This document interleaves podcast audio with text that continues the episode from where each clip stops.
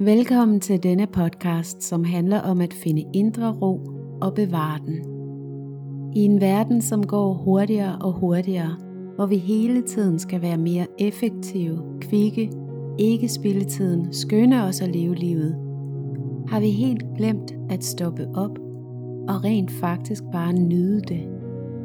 Og det største problem med denne alt for hurtige livsstil er, at vi går glip af vores eget liv. Revolutionen handler først og fremmest om, hvordan vi finder indre ro.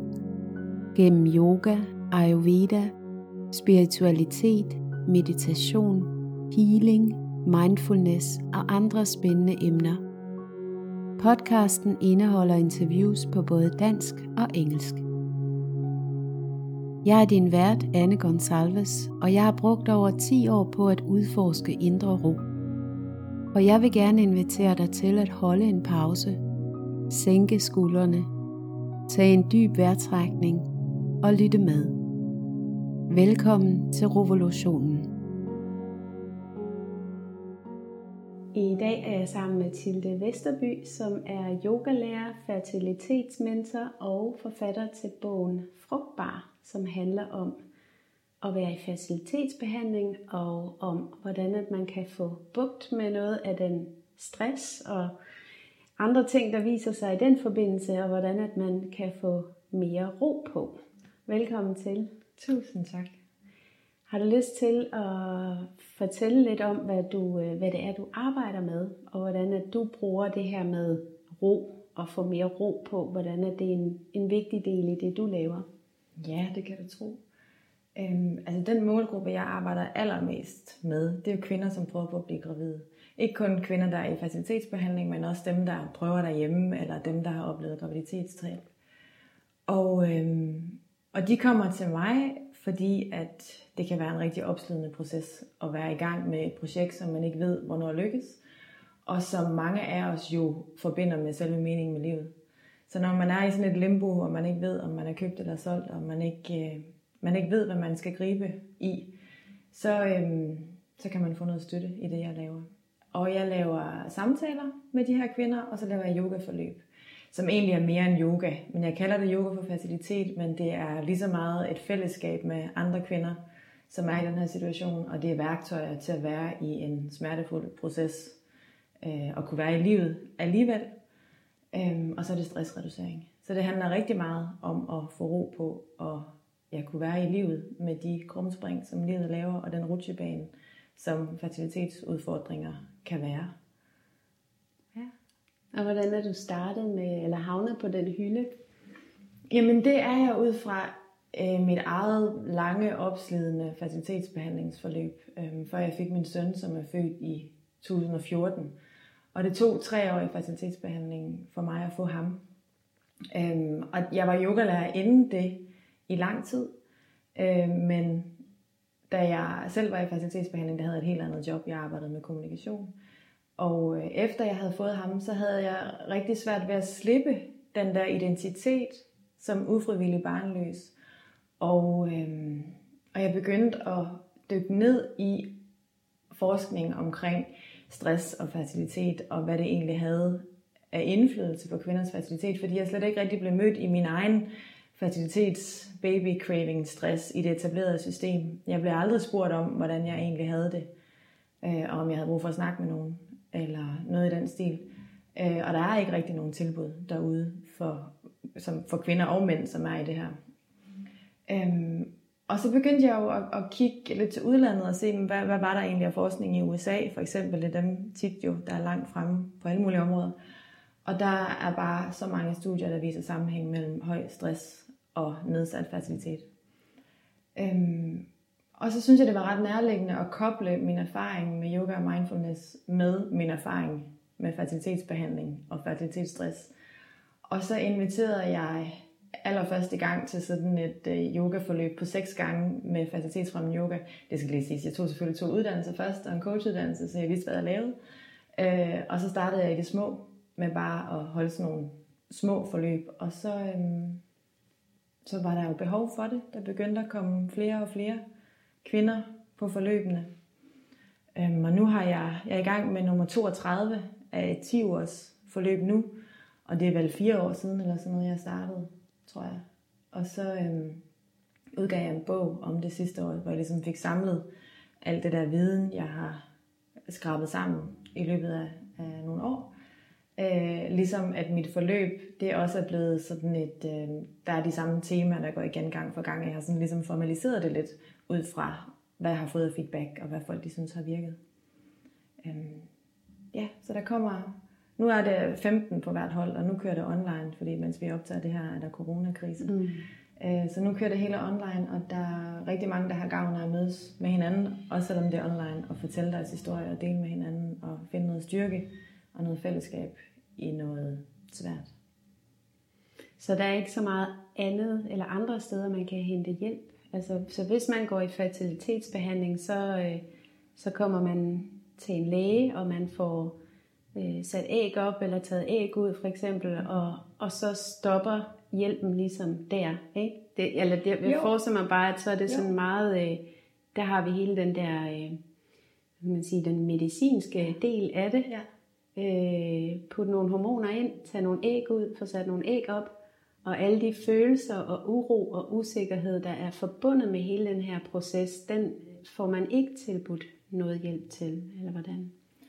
Det er min oplevelse, og det er den feedback, jeg får fra mange af mine klienter, at det bare ikke er en del af det etablerede system. Vi er jo flere, der laver det samme, som jeg gør nu, øh, som udbyder det privat, så der er jo mange steder at gå hen. Men jeg vil jo ønske, og det siger jeg jo hver gang, jeg sidder i sådan en situation her og taler om det, at jeg bliver gjort arbejdsløs på den måde, at det ligesom var en del af det etablerede system, at når man, når man tilbyder tre IVF-behandlinger, og nu overveje det, man skal op til seks øh, IVF-behandlinger i det offentlige, at der så fulgte noget øh, psykosocialt eller øh, emotionel care med oveni. Øhm, fordi at forskning, der er en dansk undersøgelse, der viser, at 15% af kvinder, der er i fertilitetsbehandling i et år, uden at få et positivt resultat, udvikler ret stærke symptomer på depression. Øhm, så det er hver sjette kvinde, som er i det her, og det tager altså rigtig mange af os mere end et år at blive gravid ved fertilitetsbehandling. Så der er alle dem, der oplever gentagende graviditetstab, eller dem, der prøver i lang tid derhjemme, uden at blive en del af det etablerede system. Øhm, dem er der ikke rigtig nogen, der har nogle tilbud til. For slet ikke at tale om dem, der så går igennem de der tre øh, behandlinger, og måske går videre ude i det private, på de private facilitetsbehandlinger, øh, klinikker, men så ender med ikke at blive gravide. Altså, hvor, hvor går vi af dem, når de har været igennem behandlingerne, men de står uden en baby på armen? Hvor skal de så en kæmpe sorg, der så skal... Jamen, jeg kan, slet, jeg kan efter... nærmest ikke forestille mig, hvor stor Altså hvor stort ja. det må være. Ja. Og der, så er det jo selvfølgelig, at man kan gå op til sin egen læge og sige, at man er deprimeret, så man vil gerne have hjælp. Ikke? Men, men den feedback, jeg får fra klienter nu, det er jo også bare, at man skal være meget deprimeret for at kunne få noget hjælp. Og at man ikke bare kan komme og sige, jeg har det svært, så kan jeg ikke... Øhm, altså facilitetsbehandling, en ufrivillig barnløshed, står ikke på den der liste, Mm-mm. der ligesom øh, sætter en Så det er bare noget, du skal klare selv. Ja. Det, det er min... Øh, det er mit indtryk. Mm. Men, men jeg er jo heller ikke øh, kompetent nok til at vurdere, hvem der skal have behandling, og hvem der ikke skal. Og, og jeg skal jo heller ikke sidde og sige, hvad vores sundhedssystem skal kunne rumme. Men jeg har bare mange, der kommer til mig, fordi de har brug for støtte. Og det er jo selvfølgelig nogle ressourcestærke, der kan søge den støtte, og det er også nogle ressourcestærke, der kan betale for det. Mm. Men hvad så dem, der hverken har, har ressourcer til at, at google efter mig, eller til at betale mig? Hvad, hvad skal de gøre?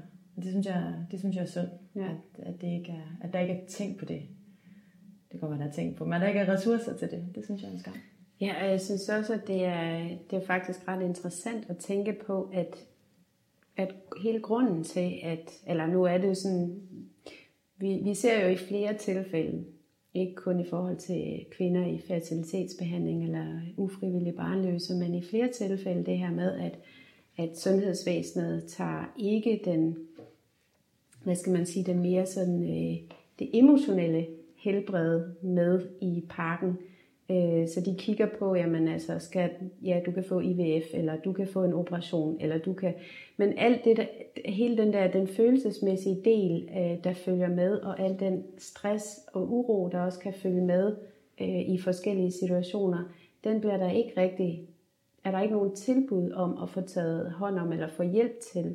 Og jeg tænker bare, at hvis, øh, hvis man for eksempel har den holdning, at det er fordi, at det vil koste alt for mange penge, hvis vi skulle have øh, fertilitetsmentorer tilknyttet, eller psykologer, eller hvad det nu kunne være, i sidste ende tror jeg, at det faktisk vil være endnu billigere. Det tror jeg også. I stedet for alle dem, der ender med at blive vildt stressramte, eller deprimeret, eller har alle de her store følelser, som går ud over deres liv, deres arbejde. Og, ja. Ja. Ja. Jeg tror også, man kunne lave en god business case på det, at, øh, at hvis man ligesom, måske også forebyggede lidt, men hvis man tilbød et eller andet psykosocial hjælp, så vil man kunne se, at graviditetsraten den steg. Altså det, der er lavet forskning på. Der er lavet forskning på, at hvis du øh, følger et 10 års forløb, som det, jeg laver, det er inspireret af det her forskning, øh, så viser resultaterne, at hvis du gennemgår IVF og er i et eller andet stressreducerende forløb, så er du op til 35% større chance for at få en positiv test på en IVF-behandling i forhold til, hvis du ikke gennemgår det. Men den forsker, som så har lavet det her, Alice Doma hedder hun, hvis der er nogen, der vil slå hende op, hun siger også, at hvis der, hvis der var en pille, som vil give os 35% større chance for at blive gravid, så vi alle sammen tage den. Men at skulle lære at meditere og bruge tid på at vende opmærksomheden indad, og måske også stifte bekendtskab med alt det, der er derinde, det er jo langt sværere.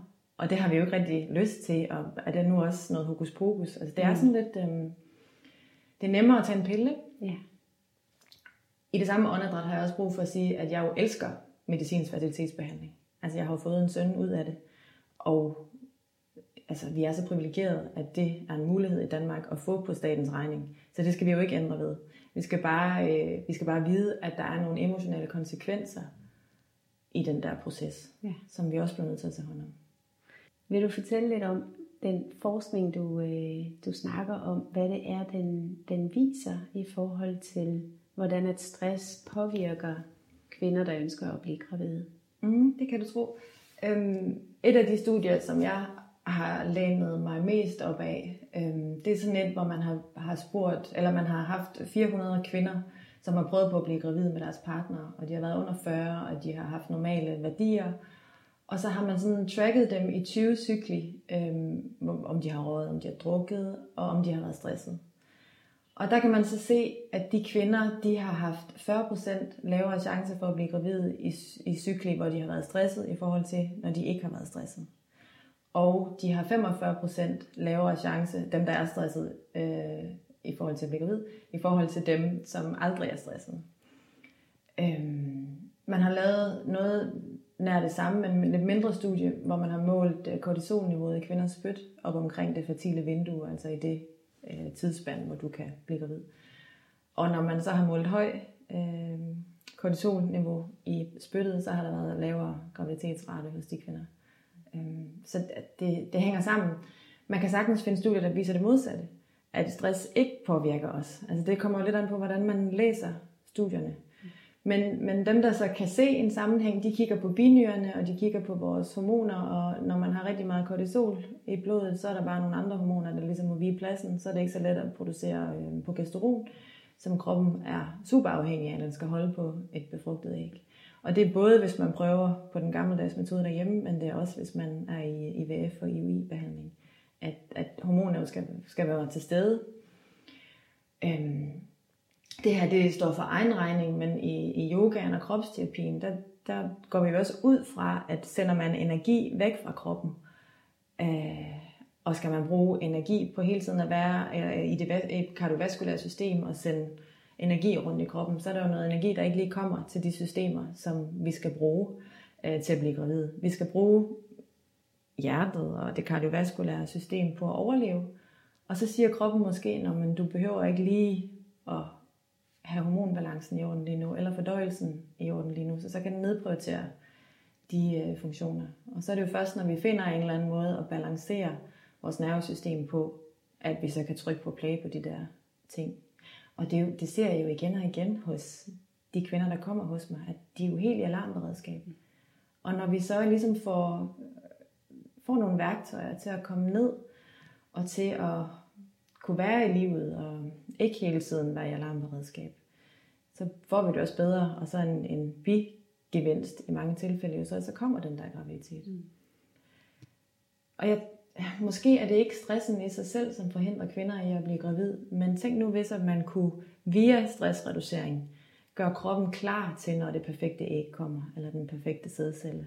Sådan at, at man bare er klar til en graviditet, så tror jeg bare, at, øh, at vi er nået langt. Men det siger jeg også, fordi at jeg ved, at der er mange kvinder, der slår sig selv i hovedet over at være blevet stresset, og så er det også noget, jeg skal få styr på. Altså, så bliver man også stresset af at reducere stress, ja. og så er det bare en... Ja. Så jeg tror ikke, at man skal tænke, okay, jeg kan ikke blive gravid, fordi jeg er stresset. Man skal tænke, tænk nu, hvis at jeg kunne få styr på det, så kan jeg måske lade være med at blive en del af den statistik, der viser, at hver 6. i facilitetsbehandling for en depression, så er den klar. og så kan jeg måske få noget overskud til at gå i den der facilitetsbehandling, eller blive ved med at prøve derhjemme. Det er også stressende hele tiden at, at tænke på, at nu må jeg ikke blive stresset. helt vildt. Det er helt vildt stressende. Og det er stressende i sig selv at være i facilitetsbehandling. Altså der er et gammelt studie, der viser, at det er lige så stressende at være i facilitetsbehandling, som det er at være i kemobehandling for terminal øh, kræft. Så det er, jo, altså, det er jo et sindssygt paradoks, at stress nedsætter faciliteten, og du bliver stresset af at være i facilitetsbehandling. Ja. Så mit, mit, min kæphest er jo, at vi er nødt til at lave et eller andet indre arbejde for at regulere det her. Vi kan jo ikke bare, ligesom når vi har et stressende job, så kan vi ikke bare sige det op, eller løse en konflikt, øh, som stresser os. Vi kan ikke bare sige, at så gad jeg ikke det der med en baby alligevel. Altså det, det, det er jo ikke en mulighed. Så må vi gøre et eller andet. Mm. Jeg sidder også og tænker på, at du, eller du nævner jo det her med, at hvordan at stressen påvirker kroppen, hvordan at, at kroppen så ligesom må vælge, når den er i alarmberedskab. Og at dengang jeg levede i, i nogle år med sådan kronisk stress, der havde jeg helt vildt store øh, mave-tarmproblemer. Så det er jo bare de steder, hvor, hvor kroppen lukker ned, som ja. de steder, altså fertiliteten og fordøjelsen og nogle af andre de her systemer, som kroppen ligesom tænker, okay, det er ikke det allervigtigste, fordi jeg er stresset, jeg er i alarmberedskab, det er ikke lige nu, at jeg skal ud og formere mig mm. og ja. blive gravid. Så må vi nok hellere lige vente lidt med ja, det, siger kroppen. Og det er ikke nu, at jeg skal fordøje et stort måltid, for jeg har ikke tid i gåseøjne til at spise et stort måltid. Hvis man skal se, sådan, skære det sådan helt ned til benene af, hvordan at vi kroppen fungerer øh, i en stresset situation, hvor du jo har hvis vi kigger tilbage i, i, til vores øh, forfædre, så har den her stressreaktion i kroppen jo været til stede, fordi at vi skulle præstere noget, yde noget ekstra i en kort periode. Æh, og så bliver de der mindre vigtige systemer lukket ned for, fordi det er ikke lige det, kroppen kan koncentrere sig om på det tidspunkt. Og så bagefter i restitutionsfasen, så er det så, at der igen bliver åbnet op for en god fordøjelse, øh, bedre funktion omkring, øh, hvad hedder det, øh, øh, ja, æggestokken eller fertiliteten. Ja, ja, ja. Og det endokrine system, ja. som er jo vores hormoner. Ja. ja. ja. Men det er jo det, at stress er jo ikke noget negativt i sig selv. Altså, hvis vi bare kan regulere os selv, altså vi kan gå ud og præstere, og så vende tilbage og finde det der relaxation response i mangel på et bedre dansk begreb, så er det jo fint. Men hvis vi hele tiden er i alarmberedskab, og det tror jeg, man kommer af hele tiden at kigge på negative graviditetstests, og hele tiden øhm, skulle gøre det her måned efter måned. Øhm, og hele tiden, jeg kom til at tænke på det her i dag med, øhm, at når man er i facilitetsbehandling, så tror man jo også hele tiden, at i næste måned, så lykkedes det. Så det der med at erkende over for sig selv, at man faktisk står i en krise, den der erkendelse, den kommer faktisk aldrig rigtigt, fordi man jo hele tiden er i den der, når man, det er jo bare i næste måned, så bliver jeg i hvert fald gravid. Øh, og hvis nu jeg begynder sådan at erkende, at jeg har en krise, så hvad så med mine negative tanker, og hvad så med, når jeg bare sådan er nede i det der hul, så bliver jeg sikkert heller ikke gravid. Så det der med at stå ved, at det er svært, det tror jeg også måske kan være øh, første step til ligesom at få kigget på det der stress. Og, og ture og indrømme over for sig selv, gud ja, jeg står faktisk i noget, som er mega krævende. Det, og du bruger ordet krise, og det synes jeg jo, at, at det er jo faktisk også rigtig fint, hvis kvinder kan, eller mænd også, men dem, der prøver at blive gravide, at de tillader sig selv vel egentlig at bruge det ord. Det er en mega stor livskrise, mm. og derfor er det måske også øh, helt okay at, at tage lidt ekstra hensyn i den periode, man er igennem det her. Jeg tænker også, at de fleste og det ved jeg ikke, hvad din erfaring er med dem, der går i forløb hos dig, men de fleste passer vel, eller forsøger at passe et normalt job ved siden af, og de fleste har måske ikke sagt noget til deres mm. kollegaer eller til deres familie sågar. Så de går rundt i denne her øh, boble af ja, livskrise, måske hemmeligheder, fordi de ikke kan sige det, eller føler, at de har lyst til at dele det med nogen endnu, før det lykkes, og jeg ved ikke, om det er det, jo. du oplever. At det, det gør jeg helt ja. sikkert, og jeg mærker også en enorm lettelse, særligt i det der en-til-en forløb, jeg har, når jeg kalder det en livskrise. At så går der sådan en bros op for, for kvinderne, sådan, gud ja, altså må jeg, godt, må jeg godt kalde det det, må jeg godt stå ved det. Øhm, men når det er det, man tror er meningen med livet, og, og det er det måske også, øhm, og det så ikke kommer, det er jo, øh, ja, det er jo en krise. Ja. Ja. Der, der, jeg synes, der er stor forskel på, om, øh, om man fortsætter sit arbejde og ikke siger noget, og bare sådan prøver at holde det hele oppe, eller jeg har også nogle stykker, som så siger, at i den her periode, der er det vigtigste med en facilitetsbehandling, så nu går jeg ned i tid, eller nu øh, tager jeg vare på mig selv på en anden måde. Men fælles for de kvinder, der kommer hos mig, og som også er fælles med mig selv, øh, det er jo, at det er sådan nogle øh, ambitiøse, projektlederagtige kvinder, som er vant til at kunne arbejde sig ud af problemerne. Altså, så kan man måske lige skrive nogle ekstra mails om aftenen, eller så kan man lige sådan få ordnet og fikset. Og så kommer man ind i denne her krise, som er et mega stort kontroltab, hvor der ikke er noget, man kan gøre. Og så er det jo det, der ligesom skaber problemerne, at man kan ikke handle sig ud af det. Øhm, og det tror jeg bare er rigtig svært for rigtig mange af os. Det var det virkelig også for mig.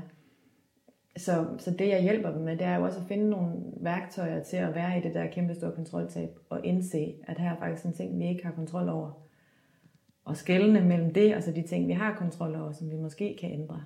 Så det er nogle helt nye færdigheder i virkeligheden, ja, det som mange jeg. af dem skal lære. Ja, og ikke nok med det, så bliver mange af dem jo gravide, og så ved de alt om, hvordan det er at være i facilitetsbehandling. Men hvad skal man så gøre, når man lige pludselig er blevet gravid, og så er der jo virkelig noget at miste. Så man troede, man havde styr på det der med facilitetsbehandling. Øh, så der er mange, der kommer hos mig, som også bliver gravide og får deres børn, og så er det jo helt andre bekymringer. Men øh, det er bare for at sige, at det er jo ikke slut med, at man så får de to streger på graviditetstesten. Det er jo stadigvæk sådan en kæmpe stor bekymring og hele tiden nye færdigheder. Nye færdigheder i forhold til det kontroltab, det er ikke at vide, hvornår man bliver gravid, men så også, når man er blevet det. Og så blive mor, altså så starter jo en helt ny, så starter en kontroltab. ja, lige præcis. Ja. Øhm, hvilke, hvilke værktøjer kan du så give dem i forhold til, i forhold til at få mere ro på? Øh, jeg tænker både, du taler om det her med kontroltab, at det er jo en, en vigtig del at kunne finde en eller anden form for accept der. Øhm, ja, lad os starte med det. Er det noget, du sådan, du, jeg ved, du bruger jo mindfulness en del ja. også. Ja, altså hvis vi skal starte med accept, så er jo virkelig en af de store. Øh, der er et helt kapitel i min bog, øh, som kun handler om accept, fordi at det er så besværligt at skulle være villig til at acceptere øjeblikket, som det ser ud lige nu, når man gerne vil have, at virkeligheden skal se fuldstændig anderledes ud i, i min indledning i bogen, der skriver jeg, at det er som om man står på en side af en kløft og kigger mod den anden side, og derover er ønskebarnet, og der er bare al, en kæmpe stor sump af elendighed, ikke? Mellem der, hvor du står nu og der, hvor du skal hen. Og du vil bare gerne lægge dig til at sove, indtil at den der test viser to streger. Men mit ønske, det er jo så, at de her kvinder kan finde en eller anden måde at være i livet, som det er, og finde noget villighed til at være i livet, som det er. Og det tror jeg på er noget af det, mindfulness kan lære os. At være med livet, som det er, og være med de bølger, som vi bliver nødt til at sejle i. Øhm, så mindfulness er en stor del af, de, af den værktøjskasse, jeg bruger, når det skal handle om accept.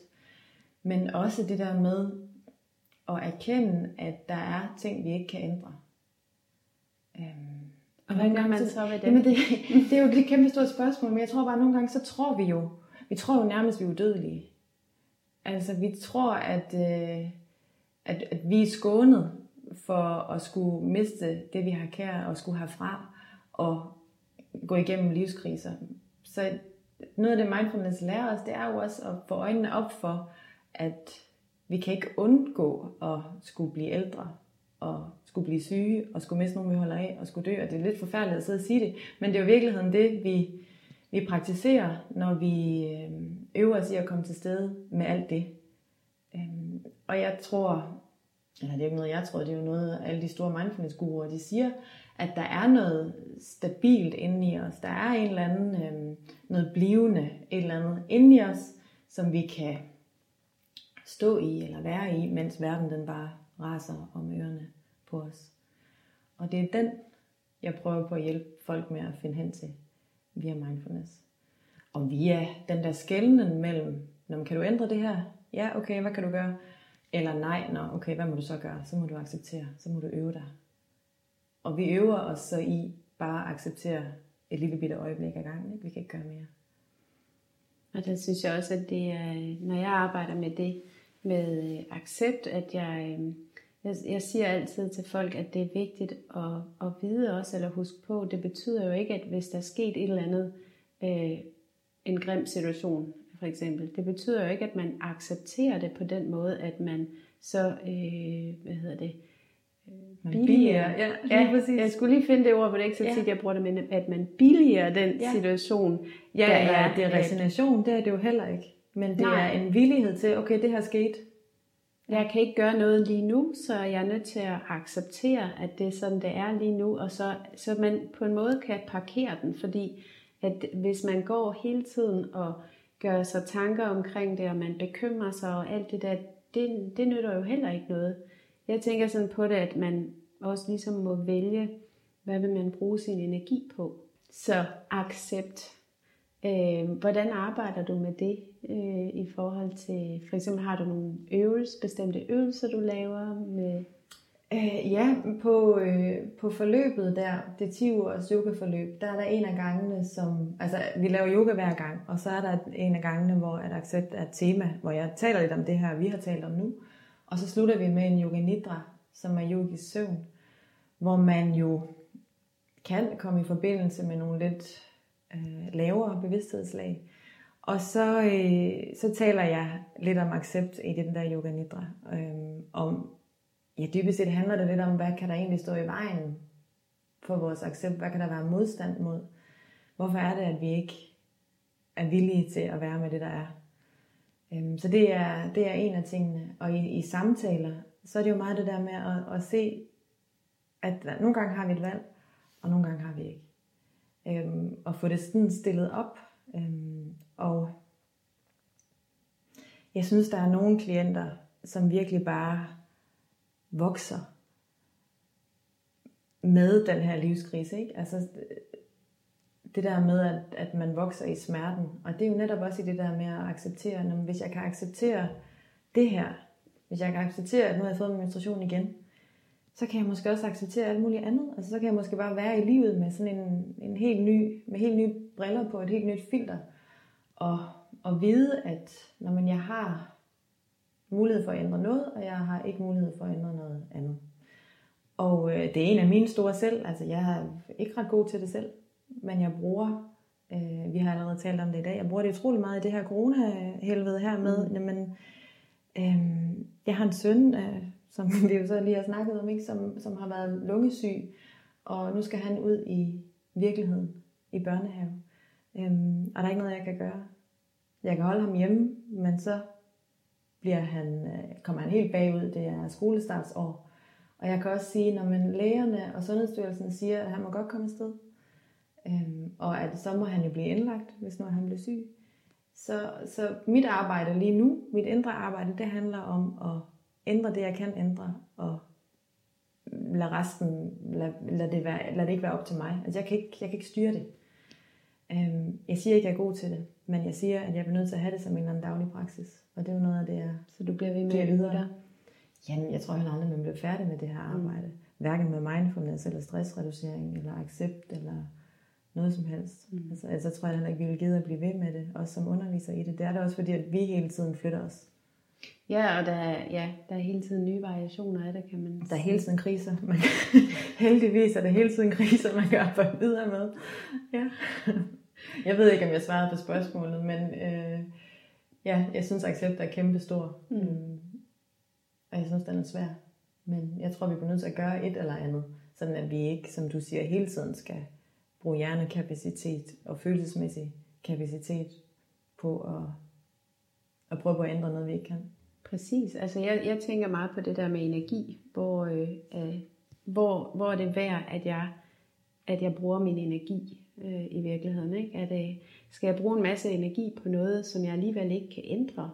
Mm. Måske ikke lige nu, måske kan jeg gøre det på et senere tidspunkt, men så er jeg nødt til at parkere den. Ja. For en tid i hvert fald. Ja.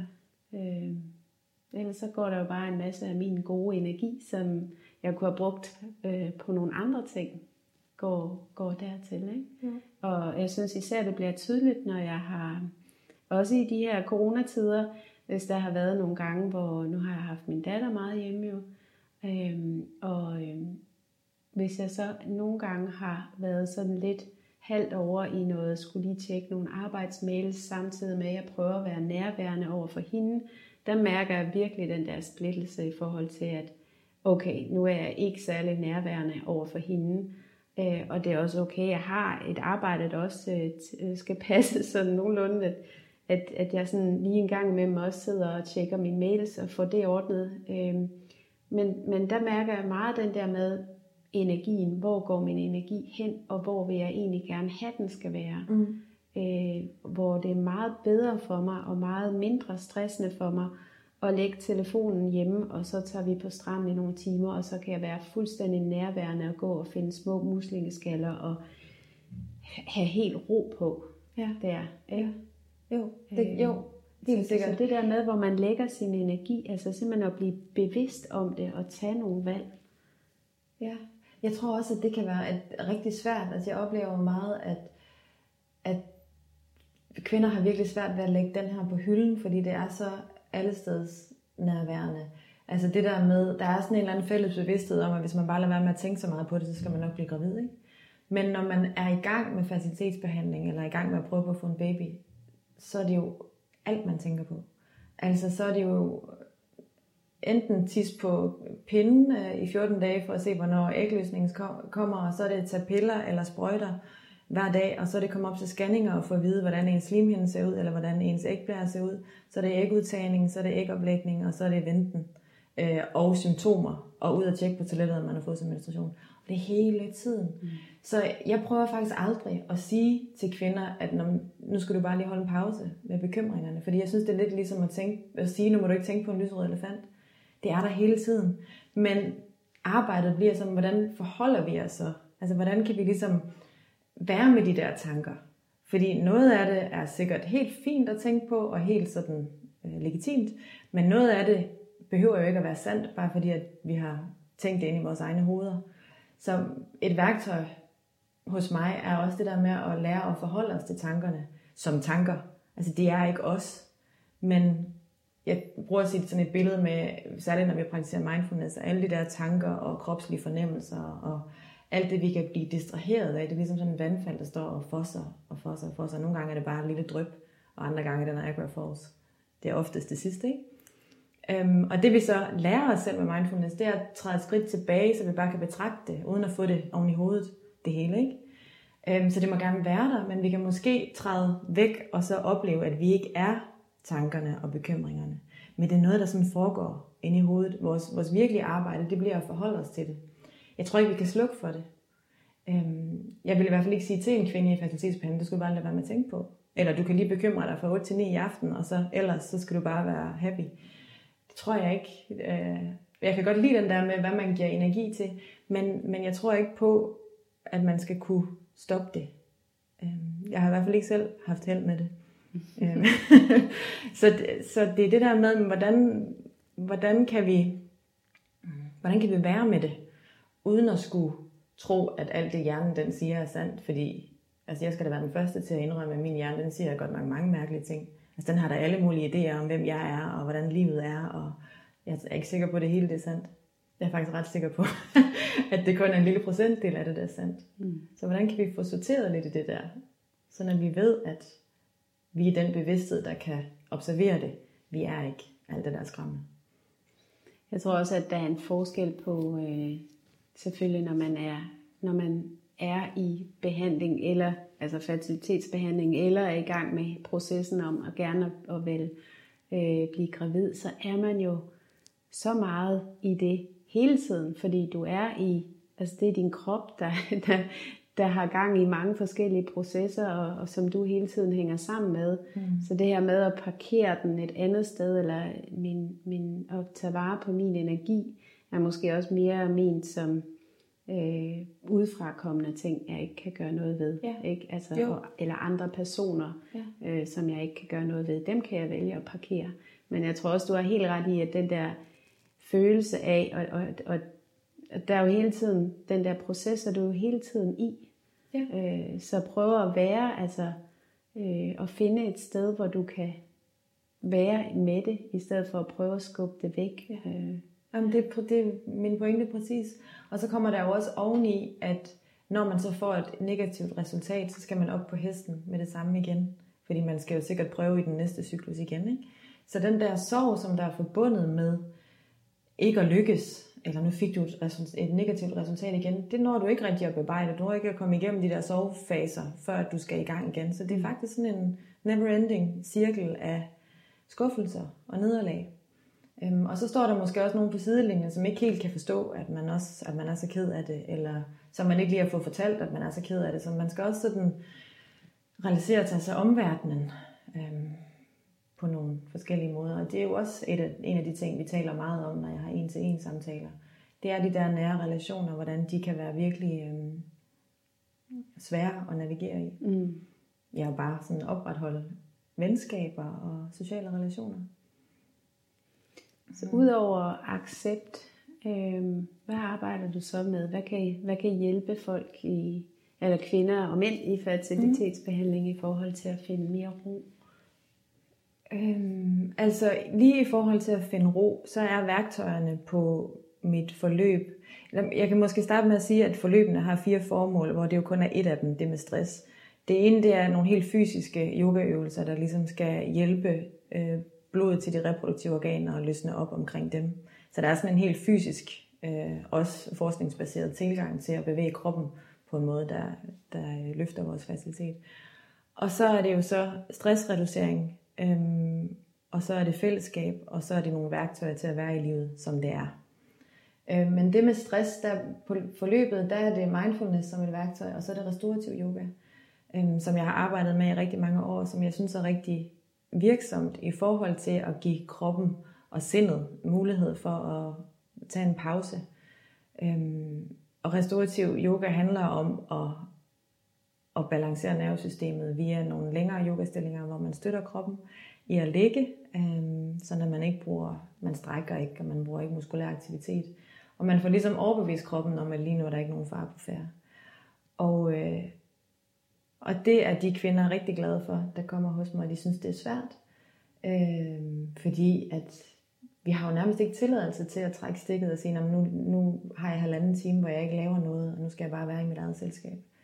Men det der med at få lov til det, det tror jeg er ret stort.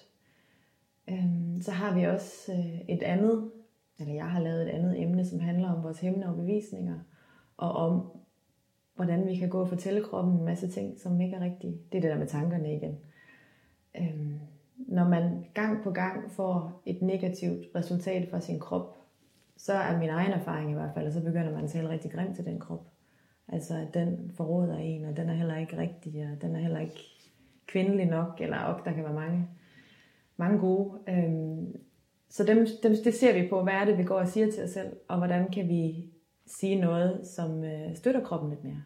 Ikke at vi skal ignorere følelser, øh, men kunne vi måske fortælle kroppen det der er sandheden om at prøve på at få børn, i stedet for at fortælle den, at den er grim og dum og forkert og ukvindelig og sådan noget. Så det er også, øh, det er faktisk noget af det, som de fleste de siger i de i, i digitale evalueringer bagefter, de kan bruge. De får mulighed for at, øh, at lave deres eget mantra, som handler om, øh, hvad er så egentlig sandheden om det her. Jeg tror, at når jeg først lige introducerer det for dem, så synes de måske, det er noget mærkeligt hippieagtigt noget. Men det er alligevel det, som de fremhæver til sidst, at det har haft en effekt. At gå og sige noget til sig selv, når man lige kommer i tanker om det, at det, det kan være virkelig virksomt. Ikke for at ignorere alt det andet, men for ligesom at sige, åh oh, nej, det andet er jo ikke rigtigt. Det er jo det her, der er det rigtige. Så det her med at arbejde med sit mindset mm. og få, få, få tankerne vendt, ja. øh, så de ikke bare løber løbsk. Men, og det, en stor del af det er jo også bare at blive bevidst om det. Ikke? Ja. Fordi at jeg tænker, at de fleste, uanset øh, øh, om man har været i... Øh, har prøvet at blive gravid i flere år, eller uanset hvad, så, så tænker jeg, at rigtig mange kvinder kender det her med at tale grimt om sig selv, og jeg tror, Ja, jeg, jeg tror ikke, det er noget med, med fertilitetsbehandling at gøre. Nej, det tror jeg, at alle kvinder, eller alle bare, mennesker kender til. Ja. Øh, ja, og den her med, at øh, jeg har tit hørt sådan en sætning, eller sådan et spørgsmål, det du siger til dig selv, vil du, vil du virkelig tale sådan til, til en anden, altså bare til en fremmed, du ikke ja. kendt? Det vil vi jo ikke. Nej. Det er jo helt utroligt, hvad for nogle, nogle grimme ord og, og ting og sager, man kan sige til sig selv. Ja. Øh. Ja, eller også så hæfter man sig i den en lille bitte ting, som ens læge har sagt til en, som lige var negativ. Mm. Og man glemmer at høre, at man også fik at vide, at man havde en flot slimhænde, eller man var ung, eller et eller andet, men så har man fået at vide, at man har en lav ægreserve, eller sådan noget. Så er det det eneste, man kan fokusere på. Um, så jeg kan godt lide det der med at arbejde med at, at åbne op for, at der er, der er andre ting i det her, end lige den ene ting, den ene negative ting.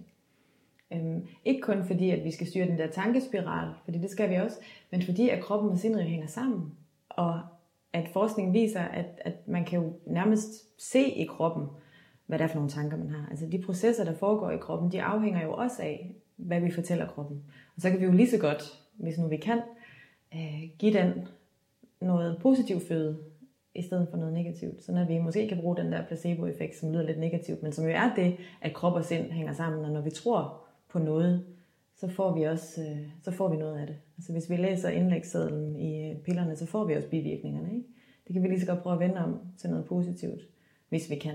Og jeg siger ikke, at vi kan, men tænk nu hvis, at vi skadede kroppen ved at tale grimt til den, og hjælpe den lidt på vej ved at sige nogle sandheder til den. Det behøver ikke engang at være sådan over positive ting, men hvis vi bare siger, at jeg gør det så godt jeg kan, bare accept. Bare, bare, ja. bare lige den der lille ja. accept. ja, har du set det der øh, eksperiment, som jeg har set det flere steder med øh, et æble, øh, som man, øh, eller man kan tage forskellige fødevarer, men jeg så det seneste her, det var Daniel Laporte, som havde taget et æble og skåret i to, og så havde hun, øh, den ene halvdel havde hende og hendes søn øh, gået og simpelthen øh, rost og skænket masser af kærlighed, og den anden halvdel havde de, øh, sønnen havde så bare fået lov til at rejse ud og sige alle mulige grimme ord og bandet og svoglet og alt muligt. Og så viste hun sådan et billede øh, af de to halvdele, hvor den ene del var sådan helt øh, rådnet øh, i super fart, og den anden halvdel så faktisk meget pæn ud stadigvæk efter, jeg ved ikke hvor lang tid de har gjort det, nogle dage eller et eller andet. Men uanset hvad, så er der lavet mange af de her både... Øh, ja, jeg har set det med planter og med vand også, og man kan og se, vand. hvordan vand krystalliserer sig ja, efter, ja, hvordan man ja. behandler det. Så ja, det er sindssygt. Det, altså, ja, det er jo ikke... Øh, det er jo sådan nogle, øh, hvad hedder det, lidt hjemmeforsøg, men jeg synes bare, at nu har jeg set så mange af dem, at, at det er bare interessant, og altså, der er noget om snakken, det her med, at hvor, hvor meget vi kan påvirke kroppen ja. og alle vores, altså helt ind på celleniveau jo. Ja. Hvor, Men det der er også forskning, der viser, altså at, at der er neuropeptider, som kommunikerer fra sindet og til kroppen, og mm. at kroppens funktioner er afhængige af, hvordan vi taler til kroppen, ja. og den måde generne udtrykker sig på, jeg ved ikke om det hedder udtrykker på dansk, men expression, øh, det er afhængigt af, hvor meget ro der er i hovedet, mm. og hvad vi siger til os selv. Der er også undersøgelser, der viser, at har man negative tanker, mange negative tanker, og depressive tanker op til et IVF-forsøg, så har man lavere chance for at blive gravid i det mm. forsøg. Og det skal man passe på med at sige, fordi man må have alle de tanker, man vil, ikke? og man må have alle de følelser, man vil. Men hvis nu, at man kan finde en eller anden måde at regulere det, eller forholde sig til det på, så kan det måske være gavnligt. Eller måske bare lære, eller forsøge at altså prøve at dæmpe nogle af de negative tanker, så de ikke løber fuldstændig løbsk. Fordi det oplever jeg også tit, at at øh, det er noget af det, der kan ske, hvis man bare sådan giver helt los, uden at være egentlig opmærksom på det. Og så er det bare sådan den, de her negative spiraler, der kører, mm. ikke? og lige pludselig ja. så bliver det til en lille negativ tanke, der bliver til en eller anden kæmpe stor katastrofe-tanke. Ja. Ikke? Jo. Øh. Men det er det der med at have en eller anden form for mental hygiejne også, ikke? Mm. altså at, at give sig selv noget tid. Min mindfulness-lærer, som også er min chef på Dansk Center for Mindfulness, hvor jeg også arbejder, Lone Fjordbak, hun siger, at hvis man sådan lige bruger det der kvarter 20 minutter på mig om morgenen, øh, i, via sin meditation, så behøver du faktisk ikke beskæftige sig så meget med dig selv i løbet af dagen. Ikke? Man får sådan ligesom ordnet alt det der. Man sidder bare i sit eget selskab. Og der sker måske ikke så meget, men man får bare den der, så har man ligesom pillet navle, eller man har siddet med det, der nu er. Og så kan man gå ud i sin dag, og måske ikke behøver at være så opmærksom på mig, og på hvad jeg nu har af tanker om mig selv op i hovedet. Så det, det er ligesom jeg... et uh, mentalt brusebad, man ja. kan foretage sig, og så er man klar ja. til resten af dagen. Og nogle gange er man klar til resten af dagen, og nogle gange sidder der en app på skulderen og kaster tanker efter en. Mm. Og, altså, der er jo ikke noget, der er rigtigt og forkert.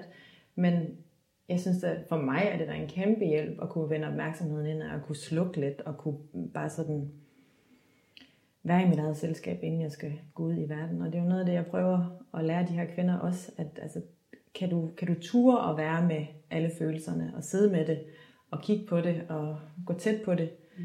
så er det måske også lettere at lægge væk, når du skal være i sociale relationer, eller når du igen skal over have taget æg ud. Altså kan du så eksistere øh, uden at falde helt sammen, eller kan du gå igennem mammaafdelingen i H&M uden at græde? Altså det, det kan godt være, du kan, hvis du ligesom oparbejder lidt modstandsdygtighed via mm. en eller anden form for praksis. Og hvis du ikke kan, så er det også okay, det kan jeg også godt forstå. Har du et forslag til, hvordan sådan en praksis kunne se ud? Øh, jamen altså, jeg er jo yoga- og meditationslærer, så det vil jo være det, jeg vil fremhæve. Altså, øh, hvis der er en ting, jeg håber folk de tager med fra de der forløb, jeg laver, så er det jo det stressreducerende. Og det kunne være at tage 20 minutter enten med mindfulness-praksis, hvor man bare sidder og er ved åndedrættet eller mærker kroppen, eller det kunne være at lægge sig i en eller anden dejlig restaurativ yogastilling. Og det kan jo bare være at lægge sig på en yogamåtte. Måske støtte knæene eller støtte hovedet. Og så watch, altså så være med det, der nu foregår, og se om man kan mærke det her åndedræt. Den her indånding, den her udånding. Øhm, indtil at alarmen ringer, og så kan man rejse sig op. Ja. Og det er jo ikke fordi, at der sker et eller andet mindblowing ved at gøre det, men det er, som du selv siger, et eller andet mentalt brusebad. At man ligesom giver sig selv noget selvomsorg og noget opmærksomhed. Øhm, for, for både for at reducere stress, men også for at træne sig selv til at være med øjeblikket, som det er. Og det tror jeg måske er lige så vigtigt som stressreducering. Det er det der med accepten. Og være villig til at være i møde op til øjeblikket, det taler jeg utrolig meget om i min undervisning tit, ikke? Og møde op til øjeblikket, som det er. Kan vi, kan vi gøre det øjeblik for øjeblik? Øhm, I stedet for at ville ændre øjeblikket, eller ville sammenligne det med, hvordan det var i går, eller ville over på den anden side den der kløft, men bare være med det. Eller at man overhovedet ikke er der, men at man hele tiden er i fortiden eller i fremtiden. Eller i rødvin og mørk chokolade. lige præcis. Ja. Altså kan vi møde op uden at dulme og uden at være andre steder. Det er mega svært, men ja, det, det er min vej, ikke? Altså det er det, jeg har valgt. Det er den måde, mit liv det skal leves på, med at være til stede i øjeblikkene, som de er. Um, og det er det, jeg rigtig gerne vil give videre til dem, der kommer hos mig. Så det er ikke nogen, øh, nu, nu siger jeg bare sådan, hvis der er nogen, der slet ikke har øh, prøvet at meditere før, eller ikke øh, kender så meget til det. Der, jeg tænker, der er mange nybegyndere, der tror, at det skal foregå på en bestemt måde, og at når man mediterer, så skal man fuldstændig tømme hovedet for tanker. Men så den, den øh, teknik, eller hvad man skal sige, som du bruger, det er at bare lægge sig eller sætte sig og sætte en timer, mm. og så observere åndedrættet, og bare være med de tanker, der dukker op. Ja, altså hvis man så oplever, at tankerne trækker en med et helt andet sted hen, hvis man er nået til noget fortid eller noget fremtid, så lige vend tilbage til øjeblikket. Så det er jo også noget med ikke bare at gå med. Altså at have sådan en eller anden form for disciplin og sige, men lige nu der praktiserer jeg mindfulness, så der er jeg i det, jeg nu har valgt, åndedrættet eller kroppen eller mantra eller hvor det nu er. Og så prøve på at være der, i stedet for at være andre steder. Øhm, og jeg bruger meget det der med at prøve på at mærke øjeblikket. Og det kan vi jo via åndedrættet. Så åndedrættet behøver jo ikke at være sådan et mål eller et eller andet, vi skal mærke, men det kan være sådan et anker til at få os til at komme tilbage til øjeblikket. Så om det er åndedrættet, eller man mærker den ene hånd, eller hvad, det betyder ikke så meget, men åndedrættet er altid nemt, og, eller det er det for nogen. Det er der altid, ikke? Øhm, og det er, øh, det er noget, vi glemmer at sætte pris på. Så vi kan også finde en både en tillid til, at når udåndingen den slutter, så kommer der en indånding. Og en taknemmelighed for, at det sker, uden vi behøver at gøre noget. Øhm, men man behøver ikke at være hverken tanketom, eller i trance, eller buddha for at kunne meditere. Eller sidde i lotus øh, stilling, eller nej. Nej, slet ikke. Men jeg kan godt forstå, at man har modstand mod meditation, og man tror, det er sådan noget ophøjet noget. Men jeg kan rigtig godt lide at tage det ned på sådan et meget praktisk niveau. Og tale om det, som om man bare lukker øjnene og mærker, hvad der foregår. Det, der måske også kan gøre det svært nogle gange, det er, at det har lidt, eller det, det er jo meget elementet af at være, i forhold til, at øh, hvis, øh, hvis nogen er vant til det her med hele tiden at skal gøre noget. Ikke? Så jeg går til yoga, og jeg laver øh, vinyasa yoga, fordi at så får jeg styrket mine muskler, og jeg bevæger mig fra den ene stilling til den næste. Men så kommer jeg hen og laver restorativ yoga, og hvad så? Skal jeg bare ligge der og bare være til stede? Ikke? Så det er den der følelse, eller den der, øh, det der kan være svært for mange, tror jeg, at man, man er vant til at gøre noget. Ikke? Og man er også vant til, som du har nævnt med din, øh, dem, der kommer hos dig, de her sådan meget handlestærke mm. eller kraftige kvinder, som øh, er vant til at kunne hente sig ud af tingene, eller gøre noget ved det. Mm.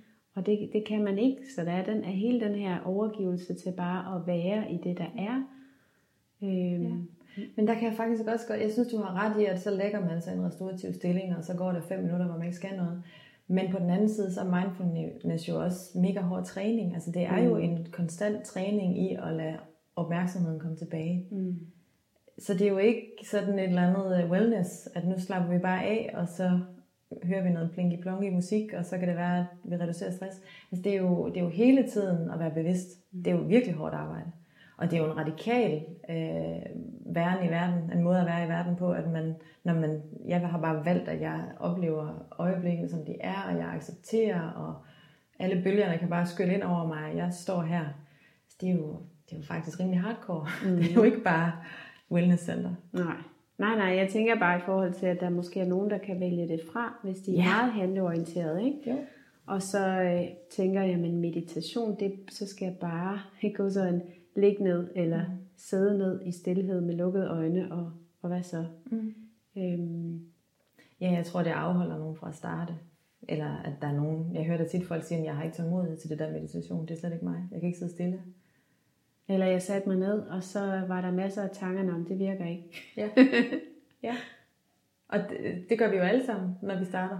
Altså, min hjerne er da utrolig aktiv de første mange minutter, jeg sidder. Øhm, og en af mine, egne, mine andre meditationslærer, han sagde, at han kan måske sidde sådan et minut nu, han har måske mediteret i 40 år, han kan måske have sådan et minut nu, hvor der er fuld fokus på åndedrættet, uden at der kommer så meget andet. Altså, det er jo det tager tid. Det tager virkelig, lang, ja, det tager virkelig lang tid, men det er jo heller ikke det, der er målet at slukke. Øhm, synes jeg. Altså målet er at være med det, der er. Mm. Med villighed og venlighed. Og en lille smule accept, hvis man kan. Ja. øhm, jeg kunne godt tænke mig lige at vende tilbage til det, når du nævnte i starten med, øh, at du sagde, at der var mange mindfulness lærere eller guruer, som øh, nævner det her med den indre, øh, en indre kerne af mm. ro, som vi altid har til stede. Mm. Har du lyst til lige at forklare lidt om det? Eller hvad det, hvad det ja, er, de siger? Det de siger, de øh, altså jeg kan rigtig godt lide et billede som Saki Santorelli, som er en af dem, der har været med til at udarbejde MBSR, som er det, jeg er uddannet indenfor. Øh, ham var jeg på stillhedsretreat med øh, for ikke særlig lang tid siden. Og han bruger det der, øh, det er sådan et øh, træsnit, et japansk træsnit af hokusai, sådan en bølge, som rigtig mange sikkert kender. Et rigtig smukt maleri af en kæmpe stor bølge, øh, som er sådan alt overskyggende. Og i det maleri, der er også en lille bitte bjerg. Og så siger Saki Santorelli, at mindfulness, det lærer også at være det bjerg, der står inde midt i det hele. At der er noget, nu får jeg faktisk kuldegysning, når jeg siger det, fordi jeg synes, det er så smukt. At der er noget, der er noget stabilitet øh, i os. Øhm, I det billede, der er også nogen, der har sat sig ud i nogle både, fordi de prøver at forsere de der bølger. Ikke? De prøver sådan at kaste sig rundt i det, og de tror, de kan ændre dem. Men de kender jo sikkert, det ved vi ikke. Det er jo kun et øjebliksbillede. Men det vi øver os i med mindfulness, det er at være det bjerg, der står inde midt i, og bare lade bølgerne slå ind over os. Og der er ikke noget, vi kan gøre. Vi kan ændre det, vi kan, og vi kan lade resten bare rase. Øhm, det synes jeg er et virkelig flot billede. Og så taler øhm, John Kabat-Zinn, som er sådan, virkelig er MBSR's skaber og store farfar. Han, øh, han taler også om bølger, men han siger, at du kan ikke... Øh, you can't stop the waves, but you can learn how to surf. Altså, du mm. kan ikke stanse bølgerne, men du kan lære at surfe. Så han vil godt nok bevæge sig ud i dem, ikke på et surfbræt. Så hvor mindfulness sådan bliver det der, det, det er øh, vognen på rutsjebanen, ikke? Den, det lærer dig at, at blive på rutsjebanen, uden at prøve på at flygte. Øhm, ja, det er sådan de, de to store, der, der, jeg ved ikke, om jeg kan sige, det er mine lærer, men det er mine store inspirationskilder for, for MBSR og for mindfulness, ikke? og det er det, de taler om. Og så siger Saki Santorelli jo også, at når man så er på sådan et MBSR, det er Mindfulness Based Stress Reduction forløb, så kan alt eksistere inde i den der cirkel af folk, der sidder og mediterer. Så derinde i cirklen af mediterende folk, der er jo alt vores sygdom og skilsmisse og utryghed og bekymringer og corona og sådan noget. Og så kan vi sidde der i cirklen og være med det. Og det synes jeg, det er det, vi gør, når vi mødes til yoga for fertilitet. Og så har vi længslen efter at få et barn ind i midten af cirklen, og alle mulige forskellige historier, graviditetstab og øh, behandling og, og virkelig prøvede parforhold og venskaber og alt det, der følger med, arbejdsrelationer og stress og det hele, det er inde i midten, ikke? Og så kan vi jo så hver især sidde med, hvad der rører sig, øhm, og så kan vi sidde sammen med det. Og af en eller anden grund, så kan det lindre lidt, at vi sidder der sammen, og at vi spejler os i hinanden og fortæller vores historier, og øhm, kan se, at man ikke er alene i verden med den smerte, som man tror er helt ens egen, mm. men at den er universel. Ja. Øhm, ja, nu kommer jeg lidt ud af en tangent, men dybest set så er det jo det, det handler om, at være fælles om, om glæderne og soverne, og det her, det er jo så bare en kæmpe stor sorg i de her kvinders liv, ikke? Men, at vide, at man ikke står alene med det. Mm. Jamen det tror jeg bare er noget af det allervigtigste, mm. fordi det er så isolerende at være i den proces. Man tror, man er... Jeg troede, jeg var alene med det, eller jeg følte mig i hvert fald meget alene med det. Og det kan jeg jo genkende mm. i rigtig mange af de kvinder, der kommer. Og de er jo skræmt for videre sansen de første gang træder i den der, ind i den der cirkel, og ser, at alle de andre kvinder, de er kommet der af samme grund. Mm. Mm. Og så er det rart, når man så får sat sig ned og får delt. Ja. Så lige for at afrunde her, øh, har du sådan et, øh, du har sikkert mange, men øh, hvis du skulle give dit allerbedste råd til at finde indre ro, hvad vil du så sige, det er? Jeg synes, der er mange veje at gå, jeg synes, man skal vælge det, der passer til en selv. Jeg har fundet ud af, at det, der passer rigtig godt til mig, det er at finde måder at praktisere stillhed. Og give sig selv tid til ikke at kommunikere og ikke at blive distraheret hele tiden.